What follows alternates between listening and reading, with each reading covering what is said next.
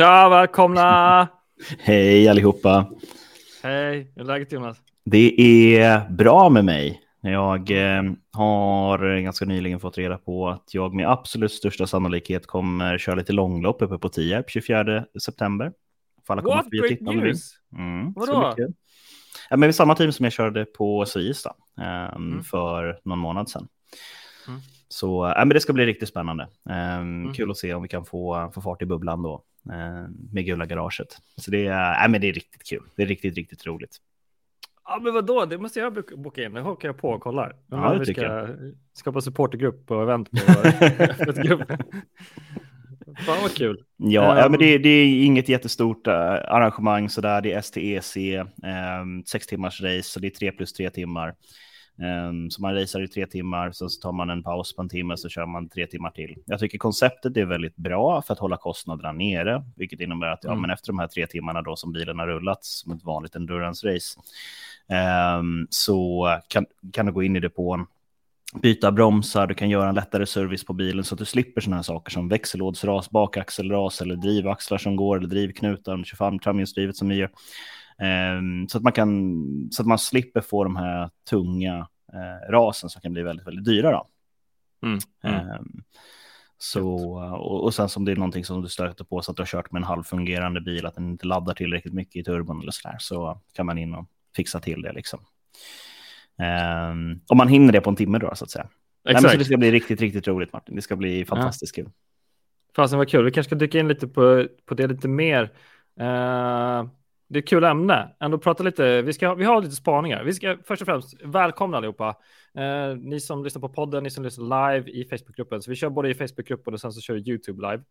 Um, varmt välkomna. Tack, tack till alla som har hjälpt till med teknik och uh, alla personer som stöttar oss på olika sätt. Um, avsnitt 22, Monza GP och lite spaningar. Um, mm. Det ska bli askul. Vi har ändå en, en speciell dag idag med tanke på vad som hände i Sverige igår. Så att, uh, mm.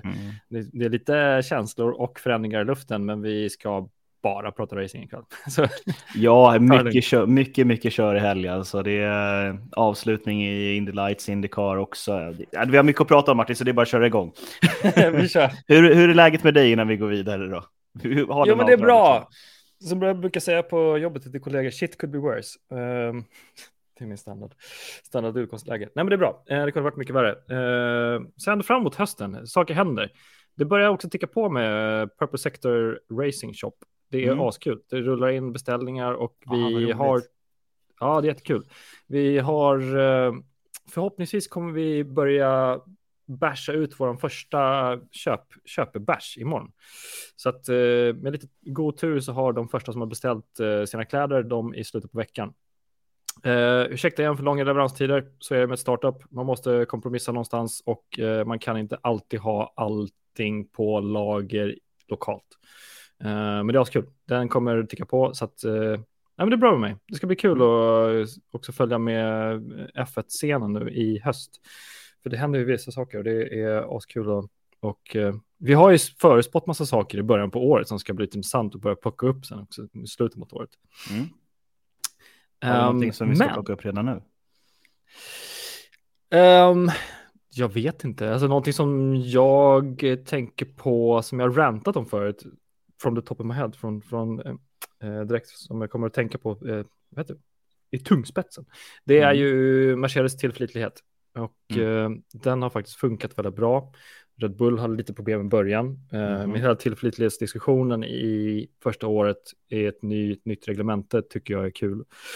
Och där har väl våra spaningar varit ganska okej. Okay. Mm. Eh, med att Merca har faktiskt fokuserat på tillförlitlighet först och sen performance. Så att eh, lite intressant ändå vad som har hänt på den, den området. Men Ska vi täcka av lite eh, spaningsämnen? Jag tänkte att du ska få avsluta också lite det där med din racing, men eh, mm. ska vi ta upp lite vad som har hänt eh, rent generellt på, på tabloiderna? På mm, berätta, vad är det som har hänt? Läs nyheterna. Linus har tagit eh, vinsten i Indy Lights. Mm. Eh, så det är ju askul. Linus har kört, hur många år är Indy Lights? Jag tror det är två år nu. Är det verkligen två år? Är det inte första året redan? Nej, det har gått otroligt fort för honom sedan han landade i USA. Ja. Um, verkligen strålande. Um, raka staka egentligen. Vi får se om det mm. finns någon Indycar um, styrning för honom nästa år. Det trillar in lite nyhetsbrev i min mailingkorg, men jag har inte riktigt hunnit med att läsa ikapp och allting som händer där bakom. För att eh, nu, nu, har han kommit till den nivån att nu är han så väl övervakad också, så nu kan man tillförlita sig på eh, de vanliga motormedierna, eh, vilket är mm. skönt. Mm. Och, ehm, så det, och hela gänget bakom Lundqvist har gjort ett fantastiskt jobb. Um. Mattias som har hjälpt honom med just eh, PR, pressutskick och sådana här saker. Det har varit otroligt lätt att, att följa honom från Motorsport mm. Publication då. Um, mm. Och alla människorna bakom, um, bakom Linus, uh, pratar om familjen. Benny har ju varit med alla år, liksom, på alla tävlingar och sådär. Äh, jättekul att det, familjen Lundqvist får, får skörda de här framgångarna, så de är så värda det så mycket hårt arbete. Och det är absolut, absolut inte självklart för Linus att det skulle ha gått så här bra. Ja, talangen för det. Men mm. eh, har inte haft förutsättningarna till 100 procent. Så det är fantastiskt kul att se. Fantastiskt roligt. Kul för Linus, kul för Stockholm, kul för Sverige. Verkligen, äntligen stockholmare som sätter, sätter racing på kartan. Annars är det bara Örebroare typ. Vad heter det? Uh, han toppar ligan, alltså nästan 90 poäng från uh, plats nummer två. Mm. Vilket jag tycker är jävligt skön, skönt statement mm. faktiskt.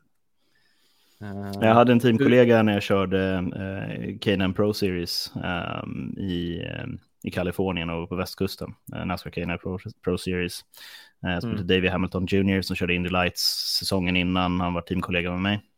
Um, mm. race och så när han sa det att det är, ja, det är så hög konkurrens och det är så svårt att ta sig någonstans. Så då säger jag, ja, nu för tiden, det var lättare för min pappa, sa han. Um, ja. Och då tänkte jag säga, ja, men det har blivit mycket mer europeer i den där serien. Så det, det kan vara bero på det liksom. Exakt. Um, men uh, riktigt roligt faktiskt, riktigt kul. Ja. Att vi har återväxt i Indycar, det är helt fantastiskt Martin. ja, faktiskt. Men apropå Indycar så har vi en uh, Marcus också som mm -hmm. uh, tad, han hade ju tekniskt eller teoretiskt möjlighet att ta mästerskapstiteln 2022, mm. men det vart ju inte så riktigt. Uh, vi har Marcus Eriksson på en sjätte plats, om jag har alla siffror korrekt. Uh, med en vinst i Indy 500 i år. Mm. Um, så hatten av där. As coolt. Och sen så ska vi också mm. faktiskt samtidigt såklart nämna um, Felix. Felix mm. har vi på en position som är för närvarande. Nu ska vi se, nu ska vi se. Den är slutgiltig också. Vadå då? Kan Säsongen ni... är slut. Ja, det är det ju. Uh, men varför får jag inte upp Felix i snurrorna? Det är intressant. Han kom i mål fyra på Laguna. Ja. Om jag inte missminner mig. Um... Men vi, mm. har, eh, vi har inte han på topp 35. Varför har vi inte det för? Det borde vi ha. Ja, det får vi kolla upp lite mer. Så tackar. Ja.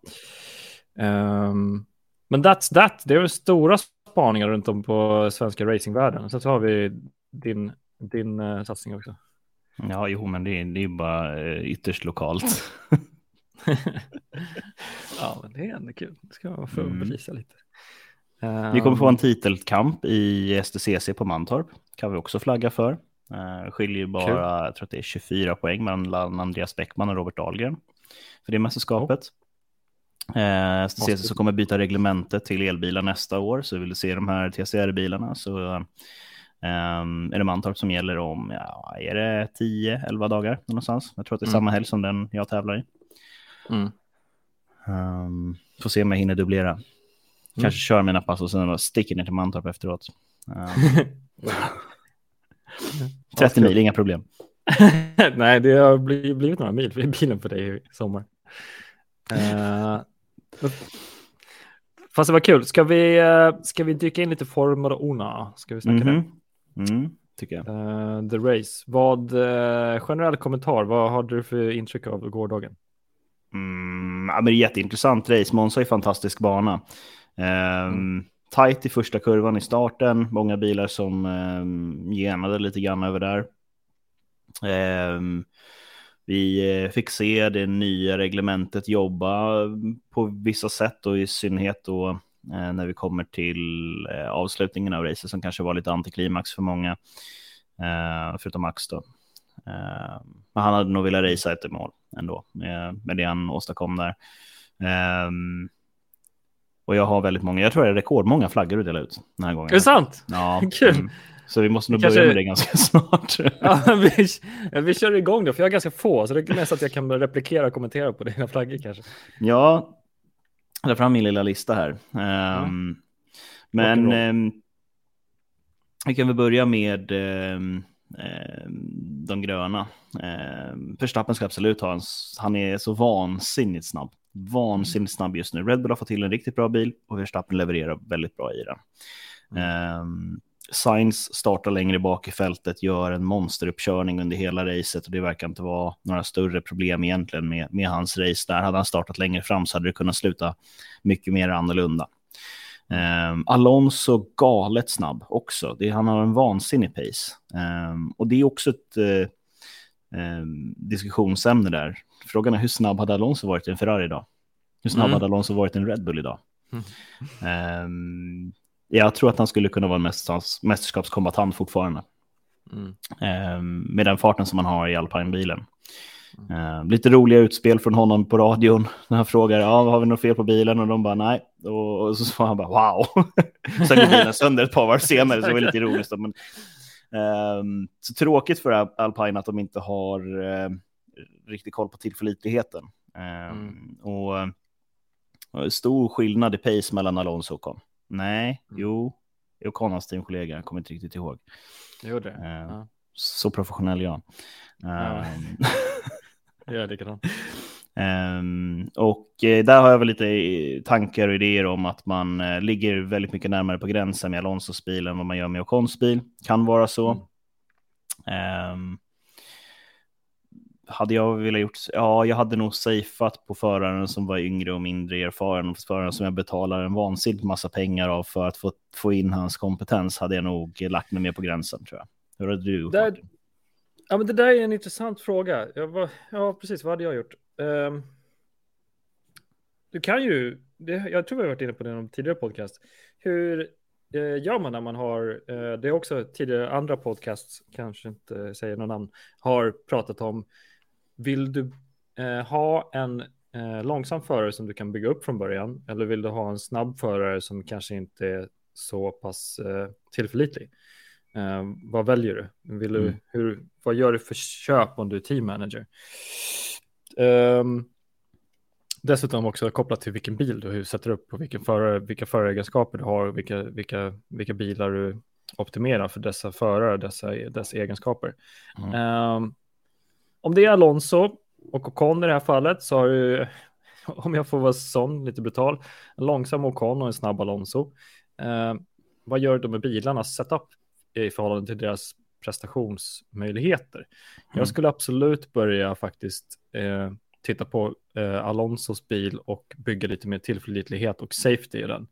För att han är så jäkla säker i, eh, i starterna och kan han har så många års erfarenhet genom att ligga fightas med andra bilar. Så han vet hur man läser av de andra förarna.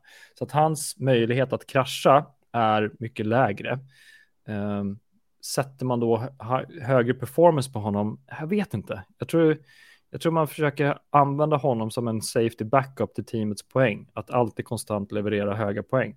Medan du på, mm. på Ocon som är lite mer volatil i sina prestationer. Eh, jag skulle nog sätta lite mer eh, prestanda på honom. Om man nu inte kan sätta samma prestanda på båda såklart. Så du, ehm. du, är mer inne på att man lägger upp teamstrategin för att fortfarande få så bra resultat man kan få, snarare än att man försöker samla så mycket information man kan eh, för att lösa de problemen som man har med bland annat tillförlitligheten. Ja, det är ju kortfattat så utifrån den informationen jag har på den frågan. Men sen så är det en annan, annan eh, kan vi djupdyka i hur, eh, hur man kan samla information till teamet. Om mm. båda bilarna kan skicka in samma gigabyte data per race så, så, så och vi antar att man kan göra det från båda bilarna lika mycket. Men eh, jag tror att jag skulle vara lite mer eh, tillförlitlig med inställningarna på Alonsos bil för att han kan ha en större självsäkerhet med setupen och ha större möjlighet att kunna kommunicera tillbaka till sina mekaniker och säga vad som funkar och vad som inte funkar. Mm. Um, jag vet inte, vad skulle du säga, själv säga? Hur skulle du gjort? Ja, men I det här läget så Alonso ska ju inte vara kvar uh, för mm. Alpine nästa år. Um, är redan färdigt och han ska ta Fettels plats i Aston Martin. Um, och, uh, de har fått en röd flagga av mig också förresten eftersom att de inte hade någon bil som gick i, i mål. Så att, kul för uh, Alonso att gå från ett, ett team med tillförlitlighetsproblem till att gå till ett som har värre tillförlitlighetsproblem. Oh, um, nej, men så, så det, det, är väl så jag hade planerat eh, att använda en erfaren förare. Jag, jag är ett fan av den uppsättningen. Jag tror att det är så du bygger ett team. Eh, tills dess att du eh, eh eventuellt kan göra som Red Bull har gjort. Att okej, okay, vi har tillräcklig kompetens inom teamet så att vi kan ha två snabba förare liksom. Mm. Men eh, och även Mercedes under, under perioder. Då. Nu, nu har ju Mercedes en, eh, samma uppsättning egentligen som Alpine har med en världsmästare och en ung ny talang. Liksom. Mm. Eh, men det, du får lite båda delarna. Du har återväxten eh, och du har en förare som får jobba tillsammans med en otroligt erfaren förare. Mm. Eh, i det här läget. Och ju mer den här nya föraren kan ta, ta över från den gamla världsmästaren, när, den världs, när man inte har råd att betala eller världsmästaren ska sluta eller sådär, då kommer du ha en, en ganska komplett förare kvar förhoppningsvis. Mm. Eh, förutsatt att de har bra kommunikation och lagarbete sinsemellan. Liksom. Um, mm. Så jag är i, i teorin så är jag fan av uh, den typen av uppsättning i team. Det. Mm. Um, Snyggt. Ja, bra flagga. Mm, ja, um, så där blåste vi väl av eh, två i alla fall. Um, och vi kan ta två i samma smäll här, för jag vill ge en grön till Leclerc och jag vill göra en gul till Ferrari. Mm. Uh, Ferrari gör ett mycket bättre race strategiskt än vad de har gjort uh, tidigare under säsongen i alla fall. Uh, men det var inte perfekt, kan man säga. Mm. jag tycker att det var rätt beslut att ta in Leclerc i första säkerhetsbilen. För att man fick ett mer eller mindre ett gratis depåstopp. Eh, det var för tidigt dock. Och det var ingen annan som svarade på att göra samma sak. Mm. Um, och det är väldigt, väldigt svårt i den stunden att tänka, liksom, okej, okay, hur ska vi göra? Okej, okay, det är virtual safety car, vilket innebär att vi förlorar minimalt på gördstoppet nu. Um, det visade sig sen att ja, men en enstoppare var det som, som gällde. Och om jag inte missminner mig så var det de hårda däcken som Ferrari bombade totalt på senast. Så det är klart att man inte vågar ta dem då. Mm. Så man har ju lärt sig av sina misstag i alla fall. Man, man har en utveckling som går framåt från, eh, från Ferraris sida. Eh, jag vill bara poängtera det till alla där som sitter. Ja, men Ferrari har inte koll på strategin. Ja, det, det är ett steg i rätt riktning i alla fall, eh, strategiskt sett. Um, så, um, men, eh, men den är absolut inte perfekt. Um, man fick jättemycket stryk av Red Bull igen, men jag tror att Verstappen hade mycket bättre race pace än vad Leclerc hade också, så att det fanns mer att ge i Red Bull-bilen. Och mm. eh, över de här varven som man körde så, så är det osäkert på om man faktiskt hade orkat mäkta med Verstappen. Man behövde göra mycket bättre strategi än Red Bull. Gjorde man en strategi som var kanske ifrån de förutsättningar man hade rätt så jämförbar, men Red Bull var snabbare. På mm. ren pace skulle jag säga. Um, vad ja. säger själv om det? Nej, men, nej, men det, det, jag eh, fastnar i tanken med eh, den faktiska... Jag trodde hela tiden, hela racet, att eh, Leclerc skulle vinna. Och sen bara tittade bort en sekund och så bara, oj, ha, hallå, vad händer nu liksom? Um, så att jag, jag har en flagga, ska jag dra upp den? Mm, kör. Surprise, surprise, Hanna Schmidt. uh, det är alltså, uh, grön flagga går till uh, Red Bull-strategen Hanna Schmitz. Mm. Uh, jag ska faktiskt posta en jäkligt bra artikel om henne i gruppen. Mm. Um, asbra artikel med en 20 minuters uh, podcastintervju typ. Prata okay. med henne. Mm -hmm. um, den är asbra. Den är ju webbaserad, men kanske kan lyssna på den då. Um, så att Hanna Schmitz igen har gjort någonting som var otroligt, som jag faktiskt är, jag, man har ju vant sig med att de är duktiga nu på Red Bull, Hanna.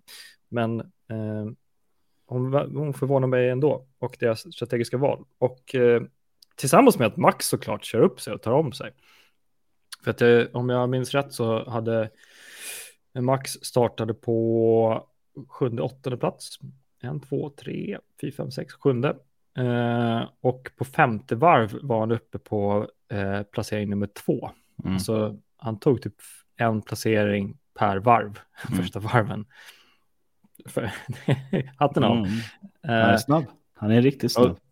Ja, uh, och då betyder det att han, han ligger i slagläge hela tiden, hela racet. Mm. Uh, sen så hade vi Leclerc, som du säger, var inne på, på i depåstoppet under Virtual Safety Car och uh, varv 26 eller 25 så körde, körde då vart det en fight så Leclerc tog tillbaka sin första placering. Men sen så eh, gick de in igen och bytte mm. däck om jag minns rätt. Varv 33, 34. Eh, och där skulle jag vilja ha mer information om vad som hände hos Ferrari. Varför gjorde de det där? Varför, såg de att de hade så stort tapp? Men då, eh, ni som är med nu, kolla, ska jag säga, ni som är med och kollar online, vi har sex stycken tittare just nu, askul.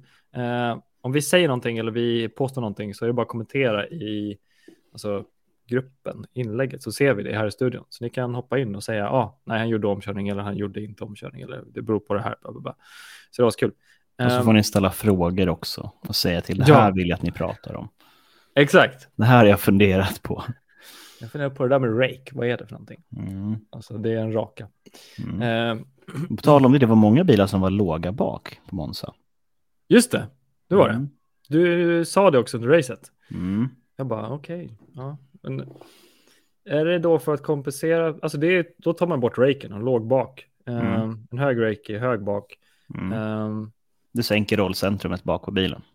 Eller ja. Precis. Bilen ska rotera lite tuff. Alltså, ju högre den är bak, desto mer så får bakändan att röra sig runt kurvorna. Den gungar som en ehm, båt. Ja, i synnerhet mid-apex och ut, uh, skulle mm. jag säga när det kommer den stora laddningen. Eller alternativt att har du en högrakad bil så kan du trailbakea mindre för att bakändan kanske vill komma. Mm. Um, så blir det mindre snappy när du sänker den bak. Och du får andra mm. aerodynamiska fördelar som också mm. är väldigt viktigt på Monza. Monza är tempel of speed. Det är den mest aerodynamiska banan. Ah, fråga. Mm. Jättekul. Uh, vi ska ta den så, så fort vi kan. Um, Temple of Speed, Monza. Vi hade jättemånga team som hade ganska nya bak, bakvingeskoncept. Mm, mm. Ehm, bland annat Ferrari som hade en uh, ganska brant bakvinge, tyckte jag var intressant. Den mm. nedre delen var superbrant, vilket tyder på att den har ganska hög downforce mm. även, även i låga, eh, höga farter. Men de hade mm. En också väldigt brant övre del av bakvingen som, som ja, så det var väldigt liksom av och på-vinge. Antingen mm. super downforce eller mycket öppet. Ja, men det, Monza är speciell. Vi har de här tre chikanerna som är ganska straightforward. Hård inbromsning, snapp, snapp eh, mm. runt liksom. Ganska hårda rattvinklar. Um, och sen så har vi, um, och, och har man en bana med där du har rakt fram och sen så ska du bara göra en ner långt i fart och göra en, en, en snabb liksom knicks och sen ut alternativt att du ska göra en snabb rundsvängning i en hårnål eller sådär. Um, så har du inte så mycket hjälp av att ha downforce. Men däremot, den man kallade, jag vet inte vad kurvan heter idag, men i kurva 1, 2, 3 blir det kurva Largo, långa högersvängen innan du kommer in i andra chikanen. Mm. Den hette så innan man byggde första chikanen. Eh, I alla fall. Eh, där vill du ha eh, lagom mycket downforce i alla fall så att du verkligen kan ge på fullt och hålla stumt igenom hela det partiet hela vägen fram till mm. chikanen. Eh, mm. Så där tjänar du på att ha lite mer downforce. Eh, och samma sak inom Lesmo 1, Lesmo 2, som är de som kommer efter andra chikanen. För det är nedförsbacke, smal utgång. Eh, där vill du verkligen att bilen sitter när du och att du kan lita på den under hela racet, även med gamla däck. För mm. downforcen hjälper dig framför allt när däcken blir äldre. Um, för då har du mindre mekaniskt grepp. Um, och eh, sen uppe i Ascari-chikanen som är nästa, ja det är också där, hård inbromsning. Eh, den går lite fortare, i synnerhet andra delen av den. Så där kan du kanske ha lite hjälp av det. Och sen framförallt parabolikan då, som är den långa svepande svängen eh, ut på start och målrakan. Och den är ju mm. viktig för den, där bär du med dig hela farten ut. Du kan avgöra flera kilometer i timmen i slutfart på, på raksträckan. Um, så det, det, är lite så här, okej, okay, men jag vill att min bil ska gå fort på rakan, hur gör jag då? Ja, men har jag lite downforce, då går den fortare på rakan, för högre toppfart då. Mm. Um, men har du för lite downforce, då får du inte mer i farten ut på rakan istället. Mm. Nej. Svårt det här med motorsport ibland. ja, det är, ja det, men det måste jag också ge eh, cred till Jarlmark. Visst fasen heter Jarlmark, nya kommentatorn mm. på förstudion på Viasat. Eh, sjukt duktig när det gäller att kommentera på, på sådana saker. Han har ett vok vokabulär som är liksom helt totalt tekniskt och man gör ändå så att man förstår. En av de bästa chassingenjörerna vi har haft i Sverige någonsin. Mm. Han, eh, han borde bli team, teamchef för ett svenskt F1-team. Mm, ja, det nog, hade nog varit den första många hade ringt tror jag. Ja, ja. Mm. ja är, om, ingen får, om ingen gör det så får vi göra skapare själv. så att, finns det någon sponsor som har feta miljarder så säg till så kan vi dra ihop ett team. Vi vet vilka vi ska ringa. Precis, telefonboken är redan färdig. Exakt. Uh, nej, men kul. Vi har ju Dino som vi ska uh, dra in då i sådana fall som vår förare. Anyways. Um, vi fick en jättebra fråga om Nick. Uh, det är faktiskt en av mina flaggor. Vi ska runda av din flagga här först. Um, mm. Så att, men jag håller med om den analysen av Ferrari. Den, mm. den är gul för mig också. De var gula i helgen. Så att... mm, ja, passande. Tråkigt för dem då. Nick de Vries, är det vad vi ska prata om nu? Ska vi göra det? Ja. ja en person som kommenterar, bara jag som blir imponerad av Nick i Williams, eller vad tycker Nej, du? jag är superimponerad också. Vilken insats. Hela alla. Uh, jag har en analys där, för jag ska mm. upp den. Mm, Nick, bara för, för, att fastställa hans prestationer i data, mm. uh, det gjorde jag så här. Han placerade sig på nionde plats mm. igår. Uh, yes. Jämför du det med hans säte som han tog över, så har du Nicolas Latifi, det var den han körde, hans säte han tog.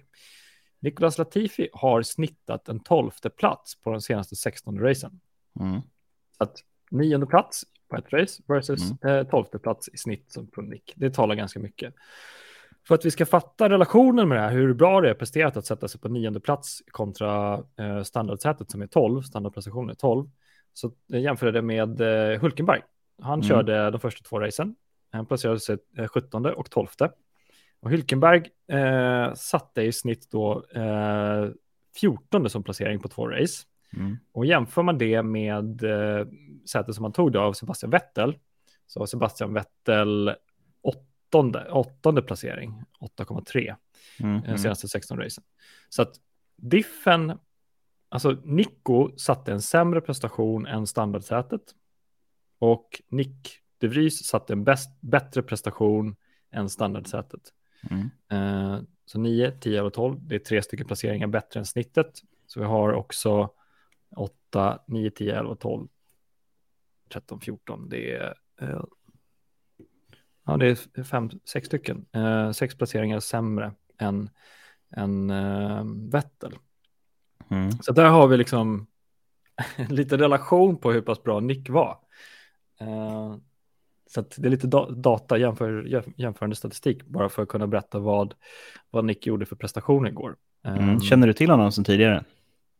Jag gör eller inte det. Eller helt nytt namn liksom?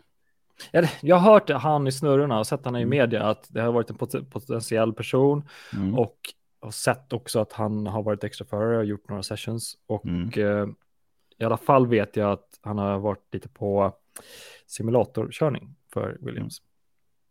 Eh, men inte mer så. Har du koll på Nicks historia?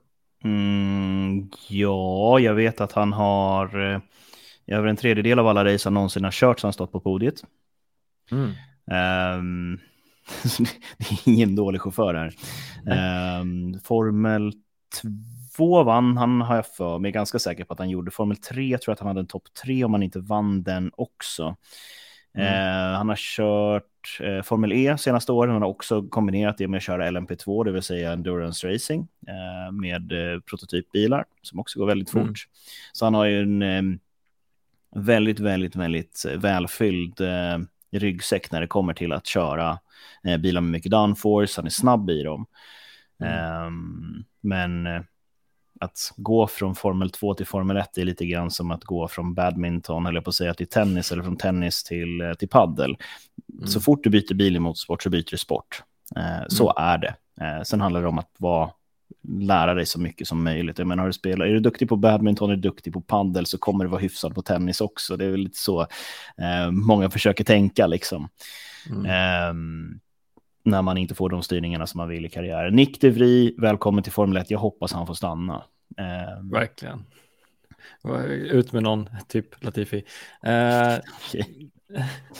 Född 95 mm. i februari. Yes. Eh, en eh, holländare, eller Dutch, mm. eh, nederländare. Mm. Um, vad ska vi säga? Han är kopplad till eh, Mercedes, så han har ju alltid haft en Merca-koppling. Därav också möjligheterna med Williams, för de är väldigt kopplade till Mercedes. Mm. Um, så att vi får väl se vad som händer i slutet på året uh, med placeringarna i Williams. Mm. Ja, men det är mycket så det funkar i motorsporten. Att jag menar, har du en koppling till ett team eller ett bilmärke, en tillverkare, så, så kommer det oftast vara med dem på ett eller annat sätt resten av karriären. Du vill gärna inte bryta det. Eh, mm. För då hamnar du i ett läge att du är utanför istället. Mm. Eh, så det... Ehm, mm. Och det kan också förklara tänker... varför han har kört LMP för eh, ehm, Mercedes team, varför han har kört eh, Formel E för Mercedes team. Mm. Ehm, det handlar om vad din arbetsgivare säger att du ska göra på din arbetsdag mer eller mindre, fast inom motorsporten. Mm. Vi spekulerar nu, eh, det får man göra, det är en podcast. Mm. Eh, tänk att om Nick tar över ett säte 2023 i Williams, det går jättebra. Sen så har vi ett avslut på Hamilton eller på eh, Russell. Mm. Då kommer vi ha en holländsk förare i Mercedes, det vill säga att Nick hoppar in i Mercedes 2024. Och vi kommer ha en holländsk förare i Red Bull. Mm. Kan du tänka den holländska sportscenen då, när vi har en Merca-förare versus en, en, en eh, Red Bull-förare, men båda är holländare? Det kommer bli galet support från holländska fans. Ja, det tror jag också. Med. Jag, jag tror väl kanske att det är så att eh, Verstappens management har öppnat upp eh, scenen lite grann för, eh, för Nederländerna i, i det stora hela. Det, Verstappen kom in i F1. Eh, och det, det, är inte bara en förare som gör det här, utan det är en, mer än en handfull människor bakom varje Formel 1-förare, egna management och det är lobbyarbete. Um, och avdelningar i Formel 1-teamen som bara jobbar runt omkring förarna. Sen har vi, fick vi ett eh, nederländskt Grand Prix också, vilket innebär att ja, men då lyfter man Nederländerna ännu mer och då är det klart att aha, Nederländerna var ju ganska duktiga på det här, finns det några fler intressanta? Och så börjar man titta igenom registren, så bara, men det vi, ja, men det är väl kul. Eh, när man tittar på hur, eh, också, hur stort stöd finns det bland holländare på läktarna. Eh, jättemycket orange. Och det är så här, ja men vi kan ju hugga en del av eh, den kakan så att säga och föra över dem till att kanske bli Williams-fans eller kanske bli eh, Mercedes-fans istället. Eh, och det tycker sponsorerna om. Eh, så att, eh, Nej, men det, det, mm, jag tror att det handlar mycket om det här med att sparka in dörren för att öppna perspektiven. Det är kanske inte så att eh, det är samma management och att Verstappen har hjälpt De Vries in i Formel 1. Det tror jag absolut inte, nog snarare tvärtom kanske i så fall, liksom att det är en konkurrens som alla andra. Mm. Eh, och um, det... Um, jag vet inte hur det ser ut på svenska sidan, men jag tror av det jag hört ryktesvägen så är det väldigt mycket människor som eh, är med runt omkring eh, Beganovic som på ett eller annat sätt har varit i närheten av Marcus också. Och det där är också otroligt viktigt att eh, när vi hade en svensk i Formel 1, att eh, folk knöt band, man nätverkade, man vet vem man ska prata med och vad man ska göra och inte göra. Um, vi får mm. se eh, om vi får in eh, Dino på en intervju här, hur mycket han får dela med sig om sådana här saker. Um, mm. Men jag hoppas verkligen, jag hoppas verkligen att man gör någon form av grund under Marcus tid som mm. nästa generation kommer kunna få rida på lite grann.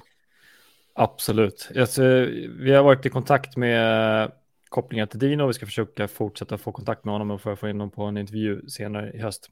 Um, jag återgår lite till en vidare kommentar på, på hans kopplingar, alltså Nicks kopplingar till Aston Martin kontra Merca. Aston versus Merca. Eh, jag tänker på en test under FP1. Det jag har dragit eh, i den analysen eh, är att Nick numera är kopplad till Merca ganska fullt ut. Och det baserar på att Aston Martin gick ut idag med eh, nyheten att de har kopplat eh, Felipe Drugovic, alltså en brasilianare. Mm. Visst var det brasilianare? Ja, jag tror bara, ja. Eh, till, till, sig, eh, till sitt förprogram, eh, Formula 2 Champion Nick, Formula 2 Champion Filipp. Så att där tror jag att de har tagit en riktning, Aston Martin nu, att de ska koppla, de ska använda Nick, nej, Filipp, förlåt, Filipp istället för, och släpper då, Aston Martin släpper Nick så att Nick kan foka på Williams och Mercedes, som han varit kopplad till väldigt länge. Um, så att jag tror att det, det byggs på det och uh, artikeln, artikeln, uh, jag hittade en artikel från, från 6 september nu uh, om att han ja, har jobbat med Aston Martin, men eh, jag tror inte det längre är speciellt aktivt på grund av att de tar in brasilianaren Filipp. Så det är lite kul. Um, ja, men, nej, men det är mm. typ det, det, det, det är jättekul att, eh, mm. att det händer med Nick och alltihopa. Så att vi, vi får se vad hans framfart är. Det kommer bli till silly season i höst, tror jag. Det Mycket kan bli jättekul. Mm. Vad har du fler för flaggor, Martin? Berätta. Ja, uh, pa, pa, pa, jag har, alltså, jag har tyvärr bara en till. Mm. Uh, det är Latifi. Uh, mm. det, den är ju, det är enkelt att sparka på de som ligger, absolut. Mm. Men uh, jag tror att Latifi kommer börja få lite problem. Alltså det, när, man, när man har när man har underpresterat så pass länge, alltså vi har ju ändå, han har tre stycken retirements mm. och inga poäng någon, någonstans, någonting någonstans. Alexander Albon, han har i alla fall poäng. Mm. Eh, han har placerat sig på nionde, tionde och tionde. Så att det finns ändå liksom tre gånger har han varit på poäng. Så att, uh, att Latifi har så pass mycket ekonomiska kopplingar till teamet, det är nog det hans uh, bär, bär möjlighet att göra det bär fortfarande av honom. Um, så Latifi, det här, det, det, här blir nästan en flagga åt, åt Williams-teamets uh, okay. Liksom, hur gör Williams-teamet egentligen? För att de kan inte ha kvar en förare som är så pass dålig bara för att de pröjsar. Eller kommer de ha det? Det är, liksom, det är där mina tankar går. Hur gör man? Nu har jag glömt hans namn. Han är ju väldigt Jos Capito. Kan det vara så? Teamchef för. Williams. Mm -hmm. um, jag för mig att uh, hans, han, han har väldigt mycket att jobba med just nu. Uh, så att det det är där jag snurrar mina tankar för att uh, Joss hoppade också in på sin uh, teamchefroll för, för mig i början på 2022 eller slutet på 2021 för att ta över Williams. Rätta mig om jag har fel någon. Uh, jag kan Joss inte göra det, för det här har du bättre koll på än mig. Okay. Uh, för Jos Capito har det här huvudbryt. Liksom, ska jag fortsätta famla med en förare som pröjsar teamet eller ska jag börja ta lite risk och ta in en eh, sämre budgeterad förare som faktiskt kan prestera bättre? Hur liksom får man, är, det här är jätteintressant tycker jag som teamchef. Hur väljer man sina förare och varför? Man väljer uh, väl de man har råd med, eller? ja, eller? Det... det, men vem pröjsar vem? Det, det är väl mm. en, jag vet inte. Uh, jag tror i alla fall Latif, Latifi är de som, de som de som bär alltihopa. Men uh, här, i juni 2021 ble, uh, blev Jos Capito teamchef för Williams. Mm. Um, så att, ja, nej, men det är det som jag börjar snurra på med Latifi. Hur gör de? Um, det har ju varit andra förare tidigare år som man bara säger, men varför gör, varför gör de så här? Varför är han kvar för? Mm, Uh, Maldonado, absolut. Um, mm. Han pröjsade sig hela tiden. Uh, vi har ryssen vi skippar hans namn för det är bara marknadsföring för hans uh, pappas bolag. uh, och ja, men det är paydrivers som man igen börjar ramla in på så här, vad, vad finns det för syfte med det annat än att hålla eh, stallet ekonomiskt uh, bärande. Mm. Så att det är väl därför jag bashar på Latifi nu att eh, eller indirekt också bashar på Jos Capito. Börja ta en annan riktning på dina beslut för dina förare. För att just nu är det bara pinsamt. Och i sådana fall signa då Nick jäkligt hårt så att du så kolla på hans, hans, vad han för ekonomiska möjligheter inför 2023. Mm, uh, mm. För att om du inte gör det nu som team principal, Joss, så har du ju gjort ett tjänstefel uh, om du inte fixar finansiering åt Nick, Nick när han presterar så pass bra. Ja, det där är ju kanske också en, ett bevis på eh, Mercedes eh, bakväg liksom. Okej, okay. mm. eh, hade inte råd att ta sig till Formel 1, Mercedes signa honom. Man får köra lite andra saker, kommer tillbaka till F1. Och så ja, men han är snabb, det funkar. Mm. Eh, då vet man att okej, okay, men om du har en talang som du inte riktigt har råd med att föra in i F1 för att du kanske inte har eh, rätt läge som man hade med Hamilton och Bottas. Liksom. Att, ja, men Bottas och Hamilton funkar bra och de har två eller tre år kvar på sina kontrakt. Ja, då finns det inga arbetstillfällen, då kan du inte anställa. Mm. Um, vad gör man då? Ja. Så bryter du kontaktet med, med De Vries. Mm. Så kanske du har en, ett Red Bull som säger vi har en plats ledig. Ja, exakt. Då får du få kämpa mot honom istället mm. för att ha honom med dig. Så det, och det där ja. är också i, i den amerikanska motorsporten så är det mer vanligt att det blir jättestora problem med eh, när Toyota binder upp alla unga talanger som de är ganska bra på att göra. Mm. Eh, och det, är så här, men det finns inga platser i cupserien, det finns inga platser i Xfinity, du får köra, eh, för du får inte köra någon av cheverna eller Fordarna i, i Xfinity, så det blir trucks istället för att köra tredje divisionen. Liksom. Mm. Eh, eller i Arca Menard Series och tävla mot mig, liksom, som jag har gjort. Och då mm. säger ja, men det är jättekul att tävla mot Toyotas fabriksförare. Oh, som säger, ja, men vi skulle vilja vindtunneltesta det här innan den här tävlingen. Liksom. Ja, kan de göra det för mm. de har mm. råd. No limits på budgeten liksom. Precis. Um, men, um, men de vill ju inte tappa jag... talangerna till, eh, till motståndarna. Och då är det så här, men det är billigare att knyta upp en 16 eller 17-åring. Um, ehm, för de skriver ju på vilket kontrakt som helst. Mm. Uh, det hade jag gjort i alla fall. Mm. Så här, vill du bli fabriksförare? Ja, absolut. Um, men Formel 1 är så mycket dyrare och så mycket mer komplext. Eh, färre platser. Eh, och eh, som vi ser på Duverier, man får skicka honom runt halva jordklotet för att man inte hade en F1-styrning åt honom.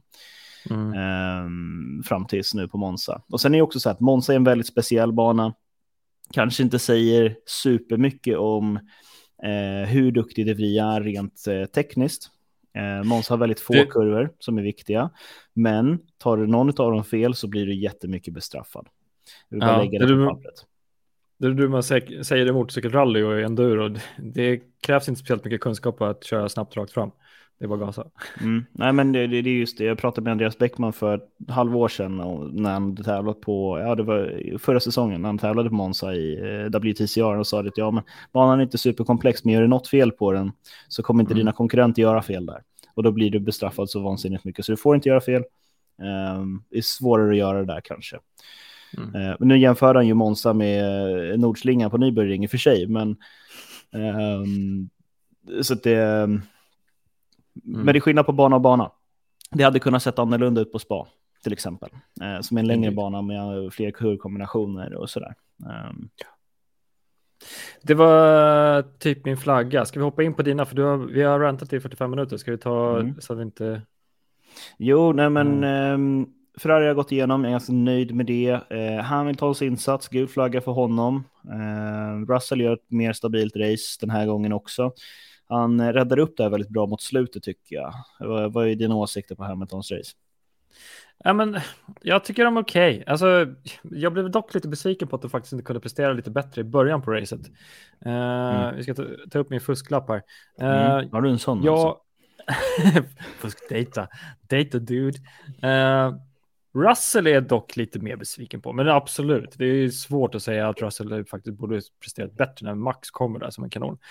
Mm. Uh, Hamilton, uh, visst, en ny power unit, så att, att ta sig upp genom fältet ska inte vara några konstigheter. Du har en Merca som faktiskt han börjar känna nu. Uh, han lägger sig på femte plats genom, mm. efter att ha startat näst sist. sist. Mm. Varför gjorde han det? Man ska inte vara där med Hamilton. Men det, var ju Power Unit, eller? Ja, just det. Ja, det är Mercedes internal... fel. Ja, det är Mercedes fel. In, internal Combustion Engine. Men jag tror att det är faktiskt en av de första, jag tror det är första gången han byter. I alla fall Hamilton byter, för jag har haft koll på tillförlitligheten i Merca. Att de, det är första gången han byter en ICE, alltså Internal Combustion Engine, och får straff för det. Uh, tror det. Men det får någon annan kommentera. Uh, generellt sett så, ja men bra. Men uh, jag trodde faktiskt att de skulle vara närmare pro-podiet, eh, mm, båda två. Ja, absolut, absolut. Eh, jag var lite, Lite Men det, det, är lite mycket att kräva, det är lite mycket att kräva av Hamilton att han ska starta sist och komma på podiet. Liksom. Det, jag Ja, det. jo, det är liksom att Ehm. jämföra honom med Red Bull och Verstappen just nu. Går inte. Mm. Nej, men han, han, eh, han får gul flagga utav mig. Ehm, så är det. Jag har varit inne på det förut. Latifi, röd flagg från mig. Ehm, Det går för långsamt.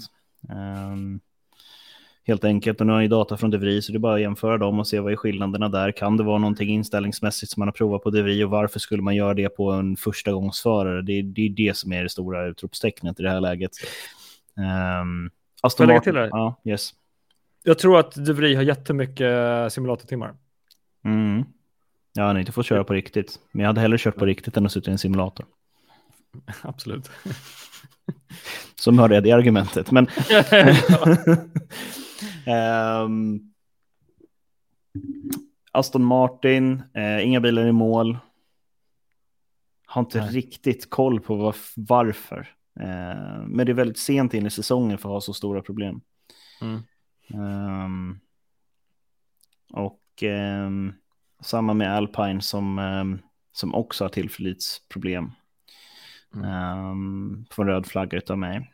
Uh, av samma anledning. Race control får en gul flagga för beslutet i slutet av racet.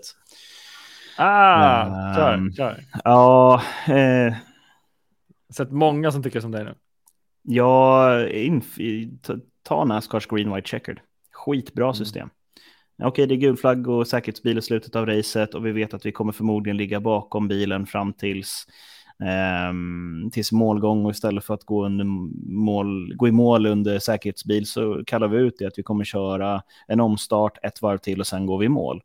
Ehm, Mm. Då kommer vi få en race fram till målflaggan i alla fall och säkerhetspersonalen känner inte att vi måste skynda oss innan racet är över på att forsla bort den här bilen utan att ah, okej, men låt det ta tre, fyra minuter till då. Ehm, Mm. Och kallar det för övertid. Ehm, Och ehm, det var också lite intressant att se eh, Race Control och se, kastar de ut rödflaggan nu? För det här är en liknande situation mot, ehm, mot finalen. Ehm, jag hade velat sett en röd flagga, men då hade den varit tvungen att komma ut direkt. Ehm, för såg man på hur bilen stod parkerad ehm, så förstod man att okej, det kommer räddningsfordon ut, eh, bilar ska varvas av och, och liksom sådär. Det, det kommer ta fem, sex varv innan de är igång med det här igen.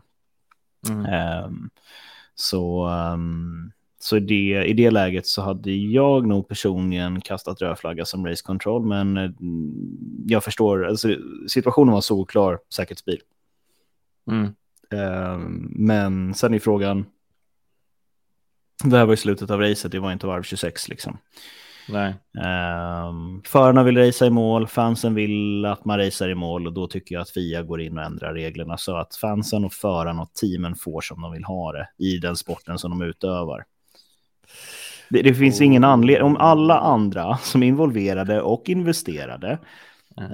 eh, vi pratar om sponsorer, åskådare, teamen och förarna, vill eh, kunna racea till målflagg.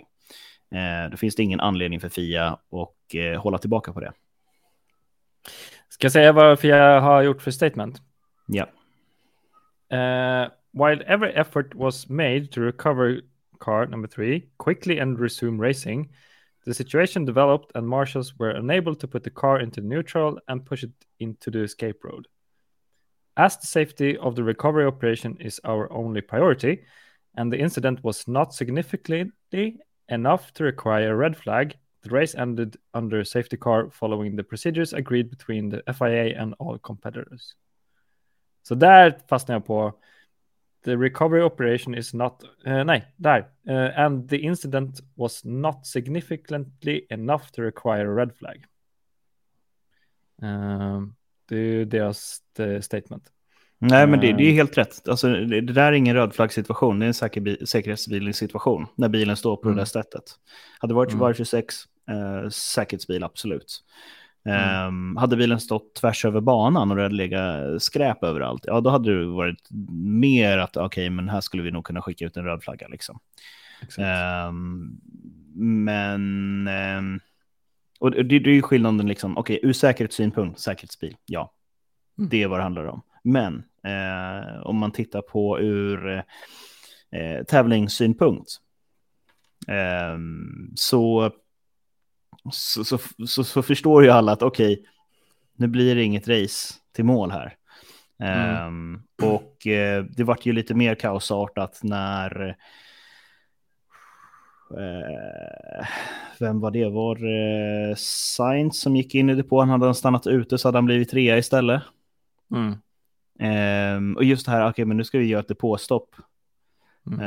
Um, och då kan man ju också tänka sig så här, okej, okay, men varför skickar vi in en jättemassa bilar in i depån som ska ut och eh, köra sönder ett nytt set däck i två varv bakom säkerhetsbil som sen kommer gå, kastas liksom.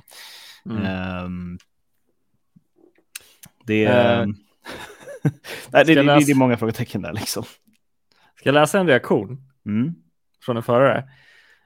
It always brings back it always brings memories back. That is the rule that it should be, right? So only one time in the history of the sport that they haven't done the rule. Måste nästan vara Lewis Hamilton, eller? rätt gissat. Men han har ju rätt. En gång tidigare har de gjort så där att de ja. att switchar där så att de fick racing hela vägen in i målflagg. Mm. Uh, och så här har man alltid gjort i Formel 1. Att man har gul, gul flagg och man går i mål under gul flagg bakom safety car. Mm. Uh, när det är så pass få, få var kvar och man inte fått undanröjt och inte har tid att starta om alltihopa. Mm. Så att uh, de, nu har de ju gjort så som de har sa att de ska göra efter utredningen som FIA kom fram till uh, efter incidenterna på Derby 2021. Mm. Så att nu går ju ord och handlingar ihop. Så att jag, mm. det är mm. många som är kritiska. Bara, vi borde kört. Mm. Så, Men alla vill ha racing. Det är det, det, det, är det som är grejen.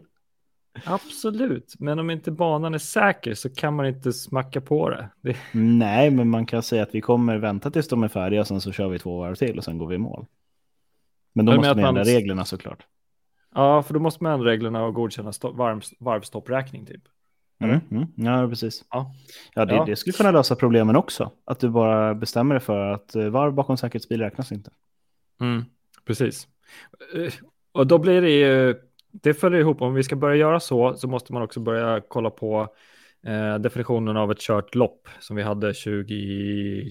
Det var ju 2021 vi hade så mycket regn i spa. Mm, just det. Eh, då körde de också safety car bakom alltihopa för att de skulle få definitionen av ett kört lopp och det handlar om sponsorer och alltihopa. Att allting mm. gå igenom. Uh, men då måste man börja, om man ska göra så som man pausar varvklockan under safety car bakom safety car, då måste man också kolla på antal körda varv. Uh, mm. Hur definierar vi ett kört lopp? Uh, mm. Jag är ganska liberal. Jag köper det... inte det de gjorde i spa. Det köper jag inte. Nej, nej fine. Det, så kan det vara. Men jag tycker rent generellt sett så är det ju. Alltså det är intressant att göra lite så som och kolla på det i alla fall. Gör utredningen, kolla på mm. vad händer med hela paketet Formel 1 om vi gör så som Indycar. Tror de stoppar varvräkningen efter Safety Car? Mm. Nej, jag kommer inte ihåg. Ja. Men det är som du säger, det var något annat. Men alltså, utred konsekvensen. Gör en mm. kalkyl. Mm. Hur skulle det se ut? Mm. Vad, vad skulle hända? Vad är konsekvensen av sponsorer, alla biljetter, de andra racen innan, efter? Ska det då också bara tillåtas i Formel 1 eller också Formel 2 Formel 3? Mm, mm, jo, jo, vilka sporter ska man göra det i liksom? Ska vi bara mm. hålla det till formelbilsracing eller ska det vara i standardbilsracing också? Så där? Jag hade en diskussion på Solvalla, måste vara 2004 14 eller 15 med en av mina sponsorer. Ehm, jag hade kört mina race i Sverige, det hade gått jättebra. Ehm, så stod vi och kollade på STCC ehm, där eh, de efter, jag tror att det var halva racet, skickade ut en säkerhetsbil för de hade smält. Och Solvalla är väldigt lite man, du kommer inte förbi, det är klart att du skickar ut en säkerhetsbil så fort någonting händer. Mm. Um, och då hade Ted Björk skaffat sig en ledning som var motsvarande liksom två uh, raksträckor i princip. Han var vansinnigt snabb. Um, och då tyckte vi min sponsor att ja, han har gjort en perfekt start, han har gjort en bra inledning på sitt race och nu kanske han har liksom planerat för att okej, okay, men jag kör slut lite grann på däcken i början av racet så att jag har till slutet. Eh, mm. eller så, så, att jag har en lucka som de inte kan ta kapp mot slutet. Liksom. Och nu ska han starta om och då är ju tvåan precis bakom honom. Liksom. Mm. Um, och så hade vi en liten kort eh, diskussion däremellan, för han tyckte att ja, men det här är inte riktigt competitive okej. Okay, liksom. Um, jag sa det, ja men eh, säkerhetsbilen, ja men du trycker ihop fältet igen, men då får du en, du provar en annan del av din racingkompetens, det vill säga din racecraft framför kanske eh, hur duktig du är på att ta hand om däcken eller hur duktig du är på att eh, köra jämna varv eller liksom sådär. Mm. Um, och um, det är det som jag tycker är så svårt med motorsport. Hur får du ut, för, jag gillar den här komplettheten i en förare. Vill du ha en snabb förare över ett varv, då ska du titta på time attack, det är en annan sport. Mm. Um, vill ha en förare som kan köra jämnt och ta hand om bilen, då tittar du på endurance racing liksom. Men, men, men, just när det kommer till liksom, men hur får du ihop komplettheten av vad en duktig förare är för någonting. Um, och jag tycker att Formel 1 är ganska nära det i sitt koncept. När teamet bygger en egen bil, det handlar väldigt mycket om hur förarens respons till eh, teamet är och sådär. Mm. Sorry, jag bara kastade in den. Ja, men jag tror att de räknas under eh, ja. varven i Indycar också. Eh, Nascar ja. jobbar med Green White Checker och där räknar man också varven under säkerhetsbilen, men man har en, en övertidsregel som säger att blir det Safety Car innan målgång så kommer vi skjuta upp målgången och så, så kommer ni få ett varv där ingenting får hända och sen så kastar vi ut eh, sista flaggan, liksom sista varvflaggan och sen får man gå i mål. Mm. Um, tack till dig som kommenterar. Jättesnällt, tack. Um, men, um, men att inte räkna gulflaggsvarv uh, tror jag skulle ha varit en, en enkel lösning för, uh, för F1 i alla fall. Formel 2 och Formel 3 hade nog inte behövt den för att Dels så kör man kortare race, man tar annat format, framförallt i Formel 3 med två race, tre race format, eh, kortare mm. race också. Um, men just vad F1-fansen verkar vilja se i alla fall. Exakt. Man aldrig glömma bort det att en sponsor är också ett F1-fan. så är det. Annars hade de satsat pengarna på andra ställen. Mm. Det finns ju hål att stoppa dem i. Uh, gött gött. Vi börjar uh, börjar, börjar, börjar komma upp i tid. Men du har, har du någon flagga kvar? Ska vi se? Nej, jag är färdig med mina. Du är nöjd? Vilken mm. jävla timing vi har, herregud. Mm. Um, askul. Jag tror att vi kommer ha ett uppehåll nu för att det är två veckor kvar, alltså näst, nästa helg. Uh, om jag har allting rätt för mig framför mig så är det då Singapores Grand Prix den 2 oktober, vilket är om tre veckor. En, mm. två, tre, det beror lite hur man räknar. Ja, tre veckor blir det. Uh, men med det sagt så har vi faktiskt enligt plan någonting som ska hända eh, på söndag. Vi har Monza, Formel 1 mm. eh, och det är fisk. Formel det är fiskdags igen nu, ja just det. Det är fiskdags. Missat, ja. ja. Vi har fiskdags, alltså vi har ju satt upp en eh, iRacing-serie. Eh, så F1 Sweden Championship i iRacing, Formel 1. Eh, så vi ska försöka dra ihop, dra trådarna, eh, fixa, kitta, sätta upp, kontakta, rigga och vi ska enligt plan köra race Monza på söndag mm. i iRacing. Och det kommer vi streama live i gruppen så att har ni tråkigt på, på söndag racing. Vi fixar racing åt er. Um, antal varv får vi se, uh, antal personer får vi se, men uh, vi ska försöka kicka igång så mycket som möjligt och eh, kasta in och kasta upp så att ni får se Monza Racing på söndag. Kul. Eh, det är jättekul. Det var kul. Och det är mig veterligen den enda Formel 1 iRacing-serien som går i Sverige. Mm, ja, det är det. Det, är det. Mm. det kan jag bekräfta. och då kan vi också tillägga till det att iRings, om man ska köra simracing ska man köra iRacing för det är det mest komplicerade. Så där kommer du få se förare som är, som är väldigt duktiga. Eh, det är mer komplicerat att köra en iRacing-serie än vad det är till exempel F1-spelet på Xbox eller Playstation etc. Um, ehm, så det var jättekul. Vi hade, senast körde vi och vi hade förar, kom, förarintervjuer rakt efter alltihopa. Um, jättespännande race. Vi körde Barcelona och vi hade två eller tre stycken som rök ihop första varvet. Sen hade vi liksom två stycken olika race som nästan pågick, liksom frontpartiet och bakpartiet. Det var askul mm. att följa. Eh, så vi ska se vad som händer i Monza nu på söndag. Eh, det kan bli riktigt spännande och det är en downforce, eh, low force bana, så det kommer mm. mycket high speed, så det kan bli, ja, vi hoppas inte på krascher, men vi ska se vad som händer. Mm. Första kurvan blir alltid intressant på Monza, så är det. Alltid, lite mm. rykande däck som bromsar på. Mm. Men that's that, tror jag. Ska vi, ska vi runda av eller? Ja, det är väl dags att tacka för oss. Ja, Tack för ikväll. Eh, vi syns på podden om tre veckor ish, men vi syns eh, säkert live i gruppen innan det.